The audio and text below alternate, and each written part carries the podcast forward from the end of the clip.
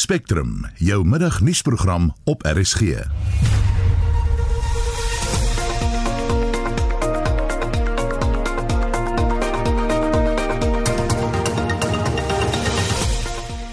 die program medelee stroom in na die dood van die Zulu koning Goodwill Zwelithini. Hy het soos Botoledi gevra vir autonomie vir die Zulu koninkryk met ander meer magte vir die Zulu koninkryk. En in daardie opsig het ons met hom baie goed saamgewerk en gesprekke met hom gehad. Studente betoog steeds oor studentegeld en toelatingsfooie. Ons kry die jongste oor die gebeure landwyd.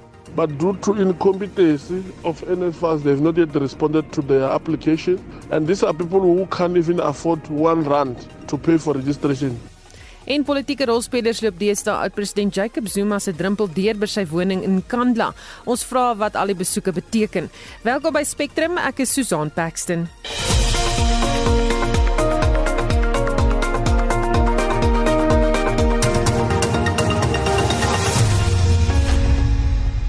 So 7 minute oor 1 jy luister na Spectrum. Medelee stroom in van oral na die afsterwe van koning Goodwill Zwelithini vroeër vanoggend. Hy was 72 jaar oud. Die president van die vakverbond SAFTU, Zwelithini Wawi sê hy is geskok oor die nuus. Well, uh, it's a shock and uh, we're numb. And uh, we knew that the king is in hospital and battling with the with the disease and but uh, the statements that were coming kept on assuring us that uh, is going to pull through. And uh, at the time when nobody was expecting it, boom, we get this shock today. The first thing that I think I should do on behalf of, of SAFTU and uh, and indeed all workers of this country, this continent, and uh, and everywhere else in the world, let's uh, send our deepest and heartfelt condolences to the family of uh, Isilu and uh, at this moment and uh, to each of uh, the children and the family and uh, indeed the Zulu nation at large. This is a very difficult moment for anybody and uh, we can only offer our words of uh, strength to them and hope that this moment too they will pull through as a family and as a nation to see tomorrow. And it's a tragic moment indeed. And all of us uh, respect and respected uh, the king of, of the Zulu nation. And uh, the moment that comes very, very shining in my memory is a very difficult moment in the history of South Africa. The 1980s, the beginning of the 1990s, the violence that ravaged uh, KwaZulu-Natal and, and maimed 16,000 people. The transportation of that uh, violence to uh, Gauteng, the killing of people in the trains, in the in the funerals and all of that. The king, in my view, if he was not there personally, that's what I think, we would have still been walking on blood in South Africa today. Die Kusatu president Singishwa Losi het ook haar medelee betuig. It, it is sad news uh, for the Zulu kingdom and the Zulu nation and the South Africa at large. This is saddening news and we wish the Zulu kingdom can find strength and the Zulu people to unite at this time. This is not the easy moment for the Zulu uh, nation, I can imagine, because King Zwelithini has been their father, their king for uh, decades now. We don't know anyone. We grew up knowing him as young people in this country, and we hope that they will find peace and and continue to do the work that King Goodwill Zwelithini was doing to honor his legacy. En dit was president van Kusatu, Singishwa Losi. Dr Pieter Mulder en oud LP en hy's 'n politieke ontleder sê die Zulu koning was 'n baie interessante man wat baie gesag gehad het in politieke kringe. Wel is 'n baie belangrike koninkryk nog steeds vir baie baie mense. Onthou die Zulus is so 12 miljoen Zulu sprekers, maar veral is my ervaring op uh, Natal se platland, die KwaZulu-Natal platland, het die koning nog groot invloed. Jy moet hom nie uh, liggies daarso vat nie. Hy het 'n groot invloed daarmee saam. Onthou in 1994 byvoorbeeld het hy nog die IFP gesteun en het die IFP die verkiesing gewen. Hulle het in Natal geregeer, en geregeer in tot in 1999. So hy het 'n groot invloed daar gehad wat uh, waarskynlik nou weg is, maar die Zulu koninkryk kom lankal, so daar sal 'n opvolger kom wat hooplik hy sal 'n rol sal speel. Sy rol was meer kultureel, moet ek sê, as polities noodwendig, maar op die huidige stadium het hy nog beslis invloed. Ek het hom besoek en kon agterkom hoe hy nog steeds deur mense geag word in daai wêreld ja. Wene vra, wat was sy invloed op die politieke arena daar? Wel, hy kom ek sê, kom ons gaan eers 94 toe, jy weet, hy het soos Botelesi gevra vir autonomie vir die Zulu koninkryk met ander meer magte vir die Zulu koninkryk. En in daardie opsig het ons met hom baie goed saamgewerk en gesprekke met hom gehad. Uh daai stadium was uh, die Volksfront waarvan ek lid was en die Zulus dan soort van en uh Bophuthatswana en se skei saam in Kozak as 'n blok wat dan onderhandel het vir meer magte, federale magte, meer magte af onder toe ons word vir Afrikaner hê. Hulle wou dit vir die Zulu koninkryk hê. En ek dink tog dit was 'n belangrike blok wat 'n groot impak kon gehad het in 94. Die regering het ongelukkig die blokstelselmatig afgebreek en so probeer om die invloed uh, weg te kry maar die feit dat hulle nog nie die 99 uh, so ook die verkiesing en uh, daarna gewen het, wys die Zulu koning se invloed te dwarsdeur. Nou my gesprekke met hom was deurgaans interessant in die opsig dat hy 'n uh, tradisionele leier is, daar's geen twyfel aan nie, dat hy konservatief was sonder twyfel. Maar ons kon saam praat oor dinge soos onteiening so ondergrond of waar ook al waar hy gesê het en interessant my laaste besoek aan hom het hy kwai die ANC gekritiseer en baie kritiek op hulle gehad en hoeveel keer sê jy nou Dr Mulder the Afrikaners never did that to us en dan pak hy weer af teen die ANC. So hy was ontnugter met die ANC alhoewel hy met hulle saam begin werk het en as gevolg van die samewerking het hulle Natal verloor. En dan moet mense vir Jacob Zuma die erkenning gee. Hy's afgevaardigde as die mees senior Zulu ANC om in KwaZulu-Natal te gaan wees in 94. Hy's nie Kaapse parlement toe nie en sy hooftaak was om die koning te kry vir die ANC en daarmee saam seker te maak die ANC wen Natal. Nou deel daarvan was 'n begroting vir die koning. Dit was so 66 miljoen. Dis op die oomblik se reg verlede jaar was dit 71 miljoen en dis net vir sy persoonlike huishouding, vir sy 7-8 paleise en vir sy vrouens. En ek dink tog dit speel 'n groot rol dat hy aan sy toe oorgekom het en IFP Natal verloor het ja KZN. Hy as mens, wie was hy? Hy was 'n koning in sy eie denke, sy manier as hy jou toespreek, hy daar gepraat, hy praat 'n uur lank en hy praat Zulu met 'n tolk by en jy sit stil en luister en die manne staan op en sê baie jette en die vrouens moet sit. Uh so hy hy daar geen twyfel in sy kop dat hy die koning is nie, maar met rede, hy kom met 'n lyn van agt konings wat agter hom is. Onthou dit begin by Shaka en daai lyn kan jy dwars deur trek uh, dan tot by hom. Maar ek het hom as 'n intelligente man gevind, maar so ek sê hy was 'n tradisionele leier met ses vrouens daarmee saam. Hy het uh, 28 kinders gehad as ek die getal reg het. Miskien kan ek net sê toe ons hom laas besoek het, was ek deel van 'n afvaarding van die parlement en die voorsteur van ons groep was 'n dame gewees en hy het daar so op en af gekyk en toe sê vir lady are you taken? Nou jy kan dink uh, die ANC vrae is hulle word flou daaroor, maar daarna die Zuluman gesê dis 'n reuse kompliment as jy koning jou vra en sy is toevallig 'n getroude vrou, uh, so in sy denke was dit soort van 'n totale ander manier van dink oor die goed. Hy was konservatief, daar's geen twyfel aan nie. Ek weet hy het byvoorbeeld beswaar gemaak teen seksopleiding en gesê dat nooit met ons gepraat nie. Ons ken ons kinders. Hoekom kom jy nou hiermee? En hy het nie bang gewees om as gister om uit te spreek uiteindelik en te sê hy is 'n Christen en wat hy glo presies dit betref nie. Ja. En iets is oor die Afrikaner en Zulu geskiedenis net in. Mm. En, en interessant is gaan kyk die geskiedenis tussen die Afrikaner en die Zulu konings is 'n interessante geskiedenis. Onthou hulle begin by Shaka, die eerste koning hier by 1816. Dan kom Dingaan daarna wat ons die geskiedenis ken met Retief wat Retief vermoor het. En interessant dat Bothelesi as 'n koninklike prins by twee geleenthede wat ek teenwoordig was verskoning gevra het van Dingaan aan die Afrikaners uiteindelik. Hy word opgevolg deur Mpanda wat 'n baie goeie verhouding met die voortrekkers gehad het. Hulle het grensooreenkomste gehad en interessant uit die 1850 selfs 'n afvaardiging gestuur na ander Pretoria en Transvaal en gesê as jy ons kom help, kan ons die Zulus en die Afrikaners saam die Britte uit KwaZulu uit, uitdryf want hulle gee vir ons moeilikheid hier. Toe kom Ketshwayo, daarna Dinizulu. Hy het net so 'n interessante geskiedenis. Dinizulu is 'n jong man, het daar 'n faksie om probeer uitwerk as koning. En die Afrikaners het gehelp om hom koning te maak en hom koning te behou. Later het die Engelse op Sint Helena gesit. Ook daar waar die boere kruisgevangenes was, ek het daar sy huis gaan besoek, daar's grafte van sy kinders wat daar so was. En in 1906 het hulle hom in die tronk gesit. Die Britte uiteindelik na die Mambatu opstand. Nou toe Louis Botha eerste minister word, een van die eerste besluite wat hy geneem het was om die Zulu koning in 1910 te bevry. Hy het gesê dit is 'n vernedering vir die Zulu volk. En dit het hulle dwars deur gehou. Die Zulu koning sal daarna verwys het na daai geskiedenis. En as jy gaan kyk in Durban is daar 'n standbeeld van Louis Botha wat ons gered kon kry om dan die Zulu oorkant om staan en ons hierdie geskiedenis kon vertel. So daar is 'n interessante geskiedenis oor die tyd wat mens nie kan ignoreer nie ja. En dit was Dr Pieter Mulder oud LP en politieke ontleder. Prins Mangosuthu Buthelezi het intussen bevestig dat die koning dood is aan COVID-19 komplikasies. Hy het glo die virus in die hospitaal opgedoen.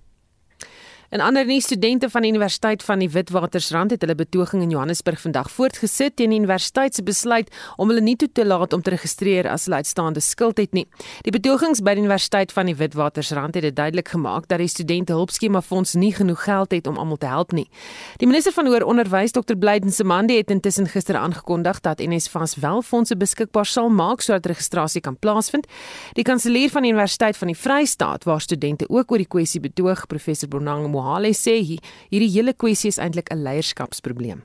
You see leadership is about anticipating and planning for problems before they become a crisis especially in universities because in universities we have demonstrated beyond any shadow of doubt that if you have a university degree you have an 85% chance of getting employment if you've got a TVET college degree that is about 53% if you don't have grade 12 we, we call it now. We used to call it metric, uh, your chances are really uh, absolutely hopeless which would account uh, as to why we have youth unemployment level that is north of 60% so universities were initially created to connect people.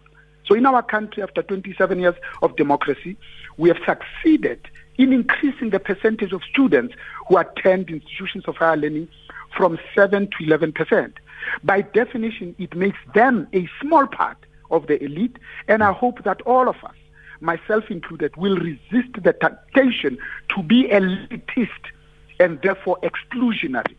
For us, the biggest injustice was exclusion. Mohali sê onderrig suig altyd aan die spreekwoordelike agterspeen as dit by finansiering kom. If you think that education is expensive, try ignorance. Especially South Africa with its checkered history of 350 years of colonialism, 78 years of separate development, 48 years of institutionalized apartheid, where we are now the most unequal society in the world. And normally people think only of income inequality, not wealth inequality, let alone asset inequality, because the future economic patterns have already been set for generations to come until and unless ANC-led government comes up with an interventionist but nonetheless strategic long-thinking way in how we can empower our very own to make sure that indeed South Africa belongs to all who live in it. I think all of us must support the emergence of institutions that nurture young people so that they can come and help us to think through some of these issues. Not only with hard skills will, should they be equipped, but also with a sense of social justice. En dit was professor Bonang Mohali die kanselier van die Universiteit van die Vrystaat waar studente ook gister oor die kwessie betoog het. En ons praat nou verder hieroor met die politieke ontleder Theo Venter. Goeiemôre Theo. Goeiemôre. Wat maak jy van die gebeure die afgelope week? Wel, in die eerste plek eh, moet 'n mens noodwendig teruggaan na na 2017 toe ehm um, toe oud president Jacob Zuma ehm um, vrye ehm um, hoër onderwys aangekondig het ten spyte van advies van die heer kommissie en ten spyte van wat die uh, fisiekanseliers van universiteite vir hom gesê het dat ons dit nie kan bekostig nie. En ehm um, die vraag is eh, waarheen waarheen loop dit nou want uiteindelik was dit 'n politieke toegewing waarskynlik gekweek ge, ge, uit politieke opportunisme want ons weet dit is hoe president Zuma geopereer ge het. Maar nou word universiteitsbestuure eintlik aan die aan die kort end van die van die wig geplaas. En hulle moet dit nou bestuur terwyl hulle eintlik aan die ontvangkant is van 'n politieke besluit. En ek dink as daar nou een pos in hierdie land is wat 'n onbenydenswaardige pos is dan is dit die dan is dit die pos van 'n universiteit se fisiekanselier eintlik die universiteitsbestuure in die breë want hulle word gekonfronteer met 'n situasie waaroor hulle geen beheer het nie en dan dikwels word dit uitgespeel teen hulle want dit word voor universiteite betoog en dis meer en dis meer en daar word skade aangerig. Ehm um, dit is 'n baie baie moeilike situasie om te bestuur. Ons begin nou patroon sien elke jaar. Die regering sê hy het nie geld om vir studente betaal nie. Studente betoog en dan skarrel almal rond. Gaan ons nou elke jaar hierdie geveg sien? In alle waarskynlikheid gaan ons want ehm um, ten spyte van die beloftes van die minister van hoër onderwys is daar net eenvoudig nie die geld om 'n bankrot NSFAS ehm um, eintlik ehm um, reg te help nie. Al wat hulle kan doen is om geld te herallokeer van sekere prioriteits uh, toekennings na ander toekennings toe. En wat nou gaan gebeur is net soos met die beginfase van gratis hoër onderwys. Het universiteite studente geregistreer op wat mens maar eenvoudig 'n IOU kan noem. Ehm um, ons sal die geld mettertyd van die staat afkry. Ehm um, die regering betaal universiteite in sulke paemente deur die loop van die jaar. So universiteite dra eintlik die uitgawes vir 'n periode totdat die staat ehm um, hulle finaal hulle finaal betaal.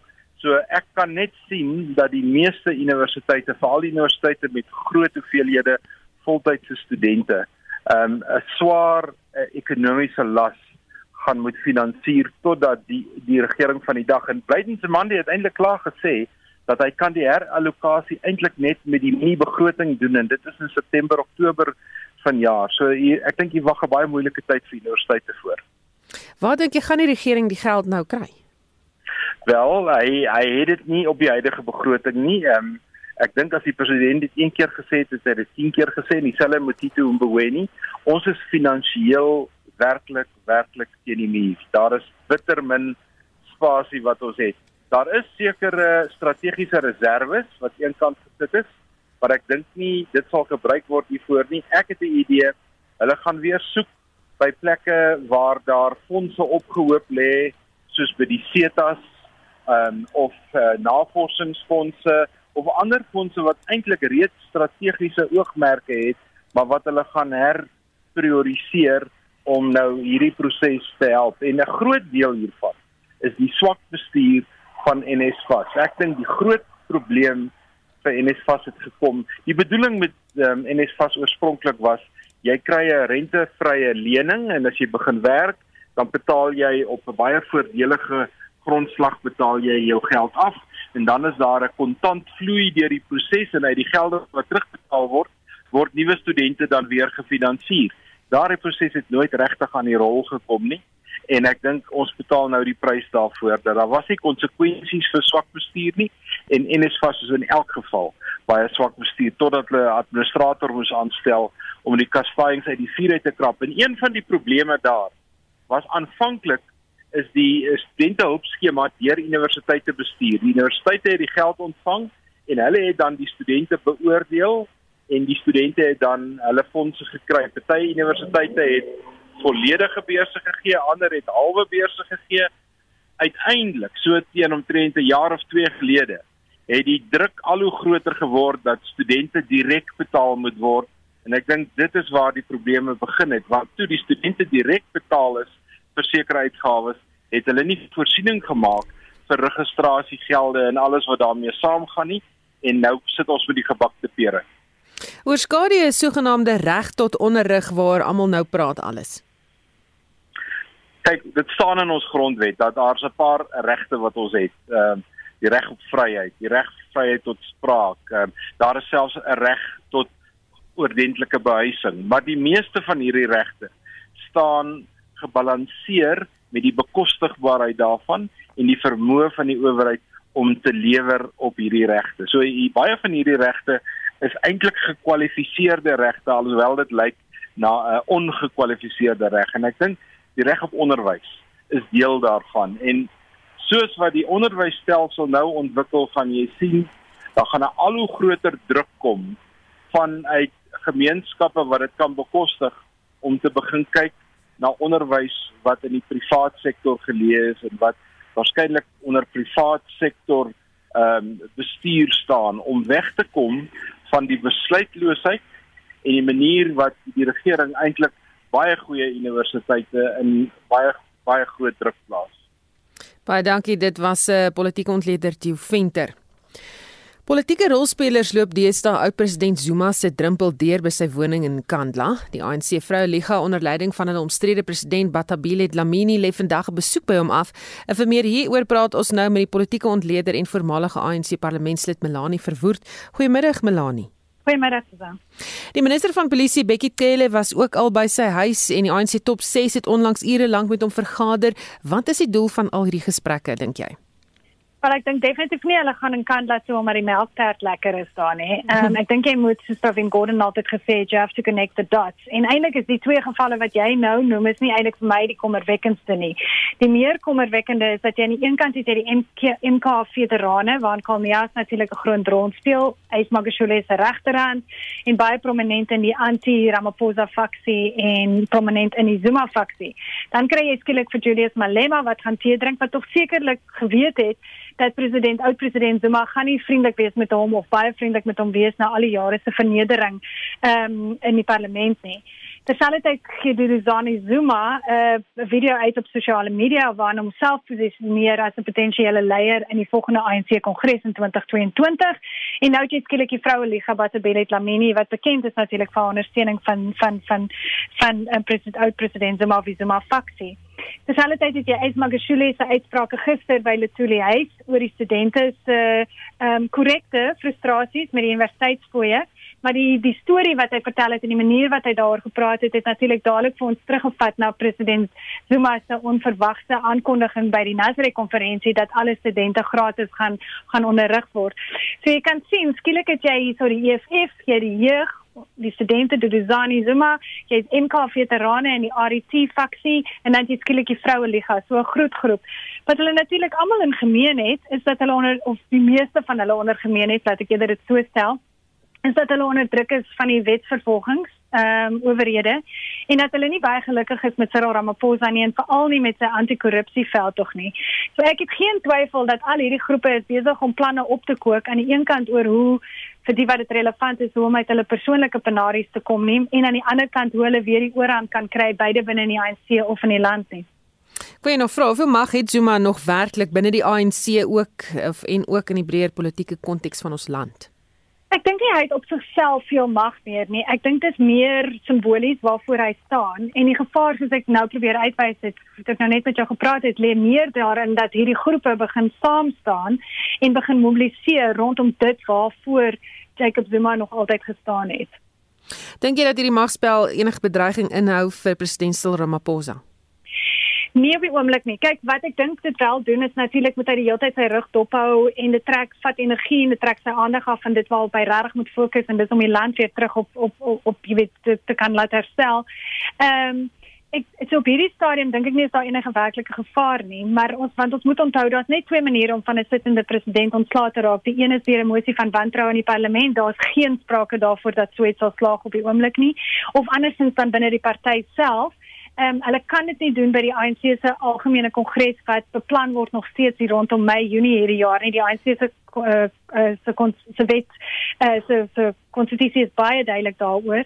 So dan sal hulle moet wag vir die volgende verkiesingskongres wat die einde van volgende jaar is 2022. En ek dink dit is meer wat ons besig is om te sien is dat daar 'n mobilisasie besig en die ding is besig om op te warm um, vir die kongres vir volgende jaar. Op hierdie stadium en vir die volgende 2 jaar dink ek nie is daar hoegenaamd enige gevaar vir vir president Ramaphosa nie. Baie dankie, dit was die politieke ontleder Melanie Verwoerd. Jy luister na Spectrum elke weekmiddag tussen 1 en 2. Half 2 in hoofnuus vandag, president Cyril Ramaphosa sê die Zulu koning Goodwill Zwelithini sal onthou word as 'n geliefde en visionêre koninklike wat 'n belangrike bydrae gemaak het tot kulturele identiteit en nasionale eenheid in KwaZulu-Natal en die land as 'n geheel. Die Vryheidsfront Plus beweer die staatsveiligheidsagentskap ontduik verantwoording en ons vind uit wat die probleme in die departement is. En jou sigaretstompies of sigaretstompies eerder is nie so bio-afbreekbaar as wat jy dink nie. Bly ingeskakel.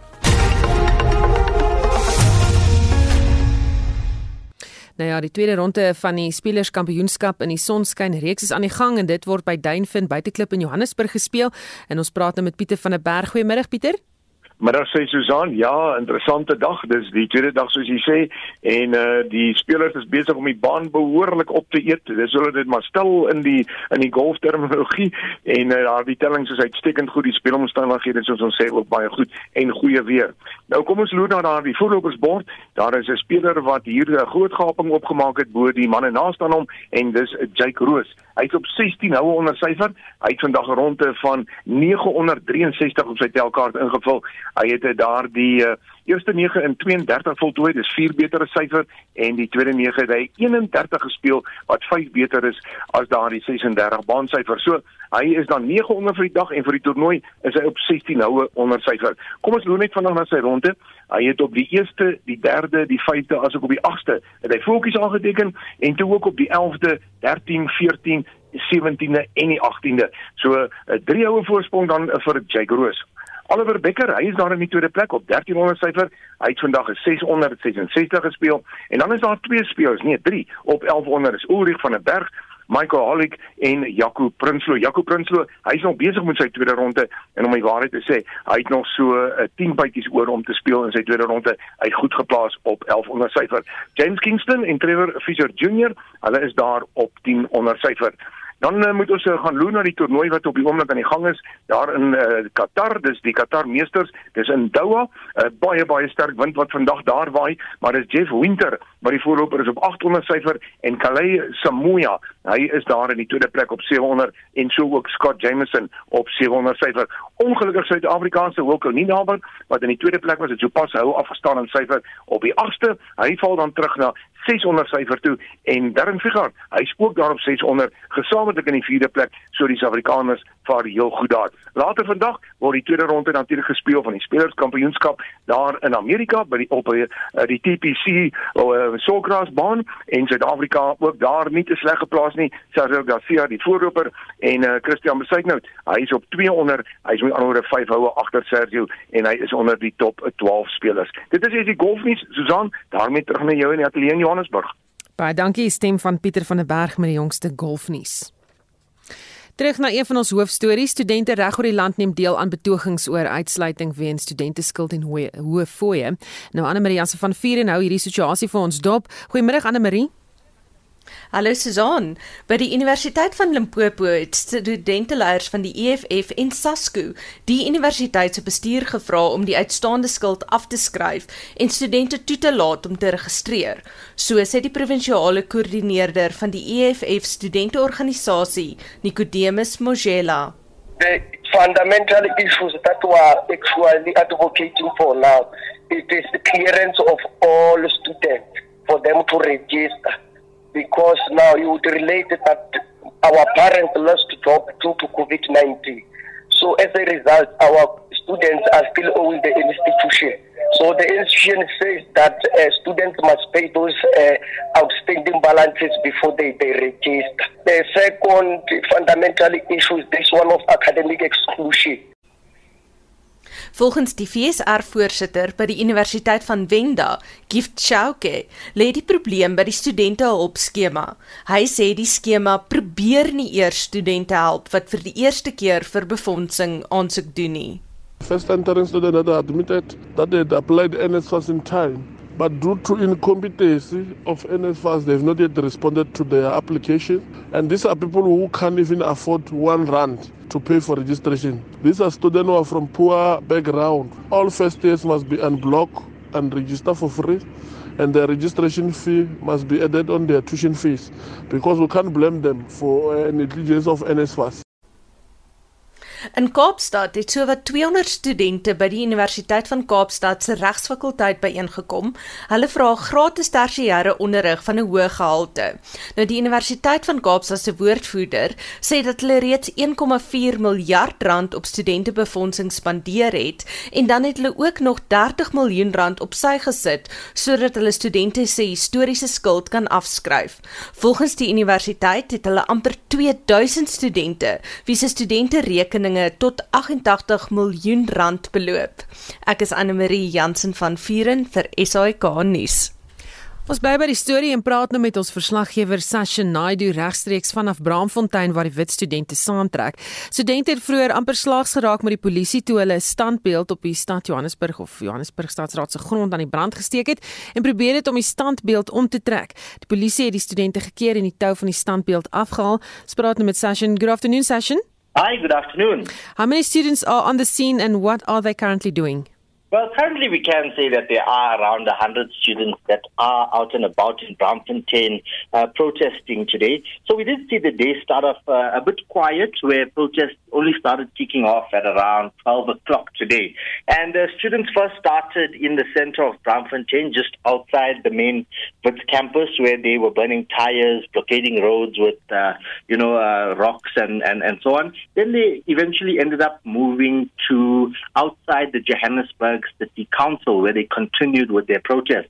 We did see, you know, a bit of uh, a scuffle also, also that went on there when students tried to actually pull down a statue that's called the Miners Monument. So they basically tied ropes to the top of the statue and um, were trying to pull it down. However, um, Johannesburg Metro Police officers quickly intervened and uh, they actually managed to stop them before they uh, caused any harm to that statue.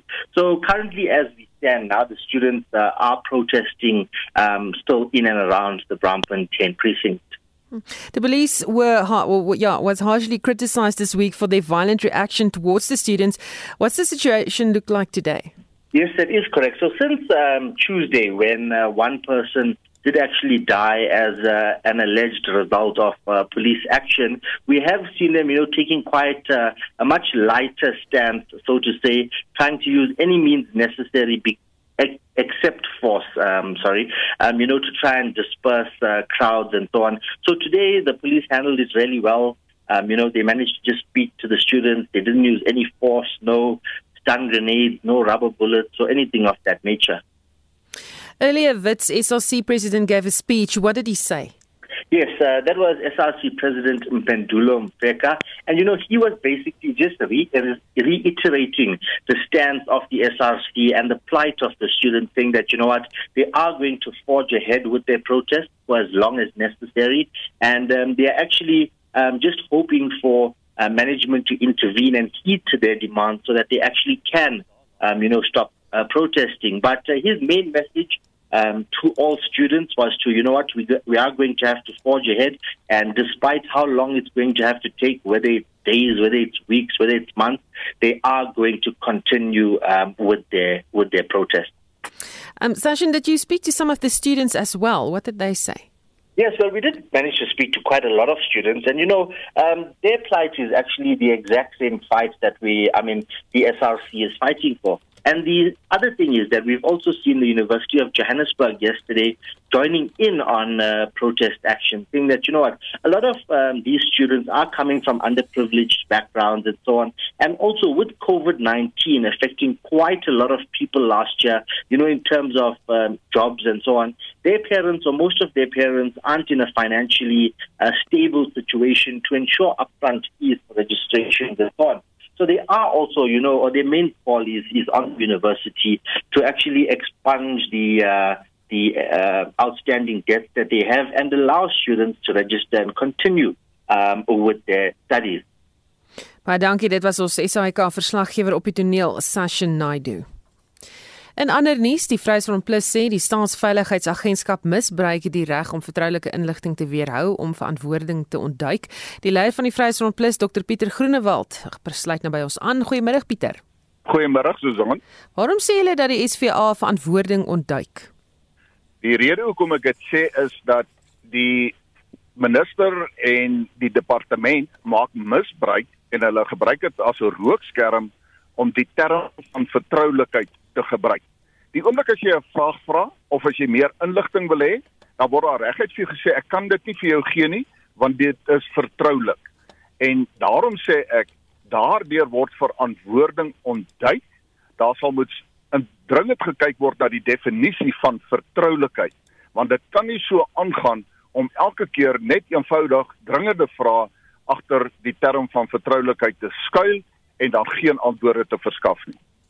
Jy wys ook vinger na die minister van staatsveiligheid Ayanda Dlodlo. Watter rol speel sy hierin?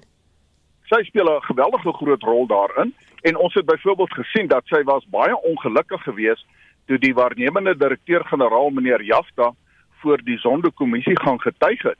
Sy wou nie gehad het hy moet daar gaan getuig nie.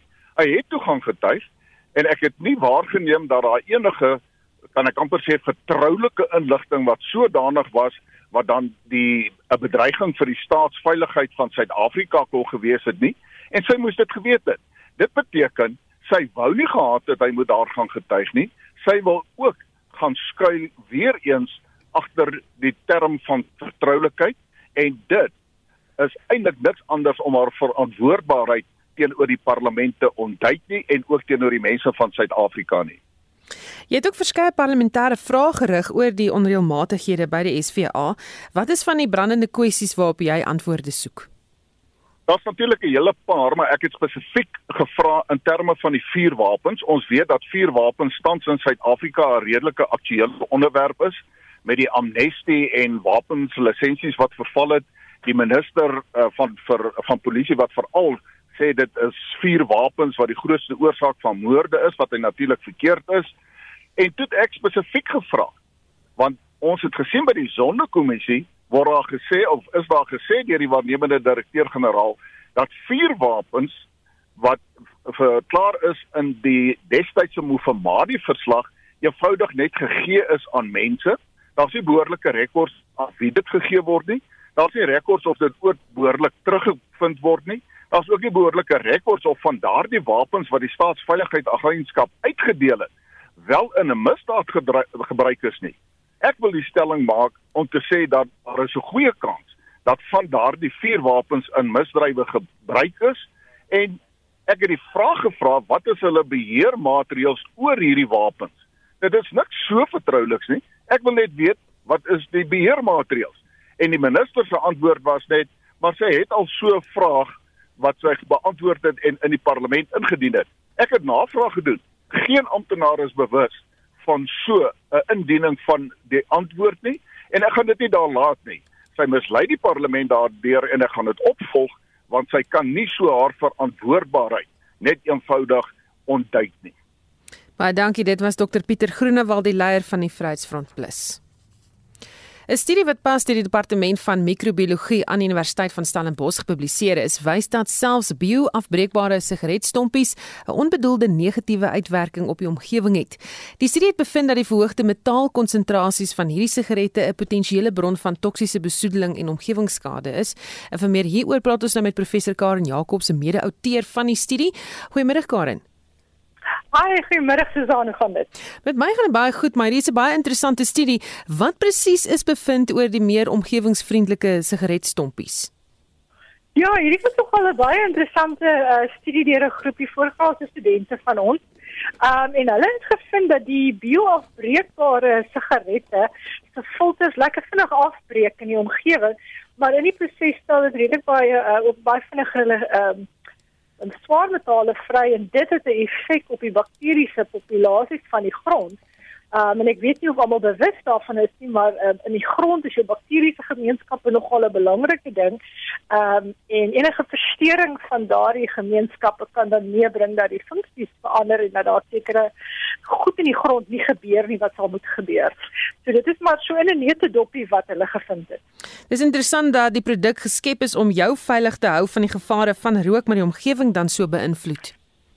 Ja, maar ek dink dit is dit is ook nie die enigste voorbeeld van goed wat ons probeer doen om uh om dinge vriendeliker te maak en beter te maak en dan op die einde van die dag is daar 'n wat is dit amper soos in Engels as jy unintended consequence uh van hierdie ding. Nou, ehm um, moet ek nou moet ek moet ook byvoeg dat hierdie is net 'n uh, is 'n begin studie is 'n is 'n basiese redelike klein studie gewees. Ehm um, en daar's heelwat werk wat ons nog moet doen om op te volg daarop maar ek dink dit is ehm um, hulle het hulle het hulle doel bereik. Hulle het gewys dat die veranderinge in die chemie in die grond plaasvind en dat uh, dit het invloed op bakteriese gemeenskappe. So ehm um, die doel van hulle studies het hulle het met uitgevoer. Gepraat van hierdie studie, daar's uh, iets wat baie interessant is aan hierdie studie behalwe die inligting wat jy gekry het of die bevindinge wat jy gemaak het. Vertel ons daarvan. Ja, Susan, nou gee my geleentheid om sommer baie lekker te gesels. Ehm um, hierdie is 'n studie wat uh, of, of hierdie is 'n projek van ons uh, voorgraadse klasse wat ons aanbied by Stellenbosch Universiteit in die departement microbiologie. En ons doel hierso is om wetenskaplikes op te lei. Ehm um, so sover ek weet is dit een van die min departemente in die land wat voorgraadse studente toelaat om hulle eie projekte te doen. Ehm um, en ons uitgangspunt is ons wil 'n student oplei holisties oplei in hoe om 'n wetenskaplike te wees. So, ons begin met hulle, hulle kan hulle projekvoorstelle bring en dis waar hierdie idee vandaan gekom het. Dit kom van daai studente af. Hulle het gekom met die voorstel, hulle het hulle projek vir ons kom ehm uh, uh, aanbied. Hulle het ons uh, hulle het ons ehm uh, veel vir geld gebruik. So ons het natuurlik op 'n baie stewige begrotingkie gesit.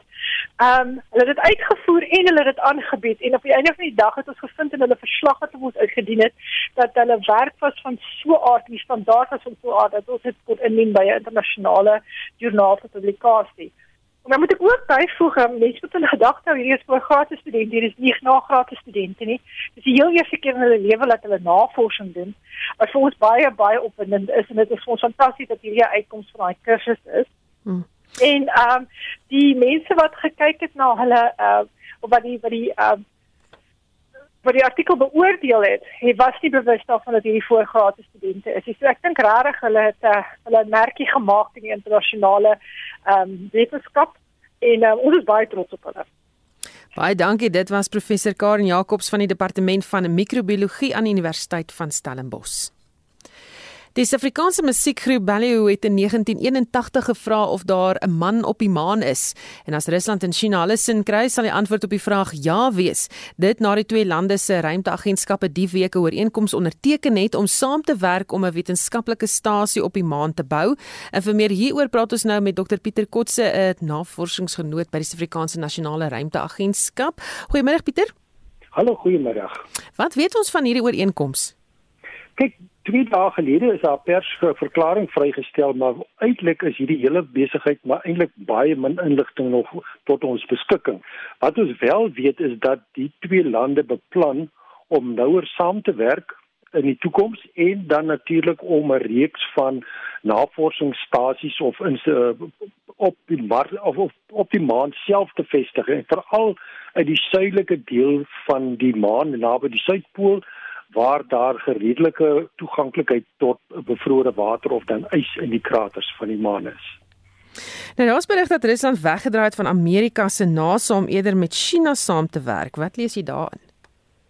Wel, dit is 'n baie interessante verwikkeling. Eintlik sien ons al die afgelope uh, uh, tyd dat breuklyne ontwikkel tussen Rusland en en die Amerika met uh, die twee na ruimteagentskappe Roskosmos en NASA Ons sien dit veral uitspeel in die internasionale ruimtestasie waar daar gereeld vinger gewys word na uh gebrek aan uh sal ek sê kwaliteit of lekkasies wat in die ruimtestasie voorkom en dan ook 'n gestryery omtrent wie is die volgende bevelvoerder van die uh, ruimtestasie. So dit is besig om homself uit te speel en dink ek vind Rusland nou baie meer aanklank uh by China wat natuurlik uh, kultureel en uh, histories meer naby aan mekaar geleë is. So die uiteinde daarvan is dat Rusland nou eintlik maar gaan toegang kry tot Chinese tegnologie want in die proses het Rusland eintlik besig oor die afgelope jare eintlik agtergeraak in terme van tegnologie want as ons vat aan die begin van die ruimte eeu hier in die laat 50s en die vroeg 60er jare het Rusland eintlik op die Sowjetunie daai tyd eintlik die toon aangegee. Trouwens volgende maand uh April maand volgende jaar, ag hierdie jaar is dit die uh, 60ste herdenking van uh, Yuri Gagarin wat die eerste man in die ruimte was en dit is gevolg 'n maand eers daarna deur uh, Alan Shepard wat toe die tweede Amerikaner of die, die tweede man in die ruimte geword het maar van Amerika self. So in die tussentyd het Rusland redelik vinnig of stelselmatig sy plek as die toonaangewende ruimte uh, verkenningsagentskap verloor. Dit kan mense kan dit toeskryf hoofsaaklik aan twee faktore. Die een is die gebrek aan befondsing. Rusland, die Sowjetunie het al hoe meer armer geraak en dan natuurlik ook uh, totale endemiese korrupsie wat in die hele stelsel om 'n plek geskop of 'n nes geskop het. So dit het daartoe gelei dat Rusland eintlik nou vandag derde in die lyn staan van uh, die toonaangewende ruimteagentskappe in die wêreld. Is so 'n uh, maanstasie. Hoe haalbaar is dit? Kyk, as 'n mens die nodige politieke wil het en ook die uh, nodige kundigheid en natuurlik baie belangrik die nodige befondsing daarvoor het, is dit moontlik om so iets te vestig. Dit hang natuurlik nou af wat 'n mens se doelwit daarmee is want daar kan verskillende doelwitte aan so 'n stasie gevestig word maar dit is 'n gesprek vir 'n ander dag maar uh, dit is moontlik om te doen met vandag se tegnologie wat ons het en ook die feit dat uh, NASA nou al by verskeie geleenthede verkenningstye op Mars geland het kan is die dink as die tegnologie beskikbaar om uh, so 'n stasie te vestig afhangend natuurlik of mense daar gaan bly vir 'n lang tyd en of dit 'n robot tipe van 'n uh, fasiliteit gaan wees. Indien Rusland en China dit regkry om voor Amerika 'n basis op die maan te bou, watter impak sal dit op die beeld van NASA hê wat gewoonlik dan nou eerste is? Ja, soos ek net gesê het, uh, NASA was nie altyd altyd heel eerste in die uh, uh, hoe sou ek sê in die wedloop van die ruimte nie. Dit kan natuurlik 'n duik maak in die ego van sekere politici of sulke mense, maar ek dink tog uh, dit die, die situasie op hierdie stadium is van so 'n aard dat dit eintlik die twee uh, agentskappe het eintlik uiteenlopende belange. So dit gaan nie eintlik werklik saak maak wie gaan eers op die maan wees nie. Dit gaan uiteindelik afhang van wat is die resultate wat bereik word en wat word uh, wat is die uiteindelike doel wat wat en, en resultate wat uit gaan kom uit so 'n uh, eksperiment of so 'n uh, projek wat van stapel gestuur word. Pieter, sal jy graag wil maan toe gaan? Nee, ek dink nie op hierdie stadium is ek baie lief daarvoor nie. Ek dink die enigste persoon of die instansie wat uh, so iets in die pipeline het is natuurlik Elon Musk met sy uh, reuse uh, projek om mense op 'n uh, of ruimte toerisme te doen. Maar op hierdie stadium met al sy tye wat hy getoets het, daverend natuurlik ontplof en in skerwe gespat. So ek is bietjie skepties om op die eerste tuig te klim om rondom die maan te vlieg. So in alle waarskynlikheid nee, ek sal maar liewer maar my voete op hierdie vaste aarde hou. Baie dankie. Dit was professor Pieter Kotse verbonde aan die Noordwes Universiteit se sentrum vir ruimtenavorsing. Is so gepraat van uh, The Man on the Moon, East Ballyhoo met hulle 1981 treffer Man on the Moon.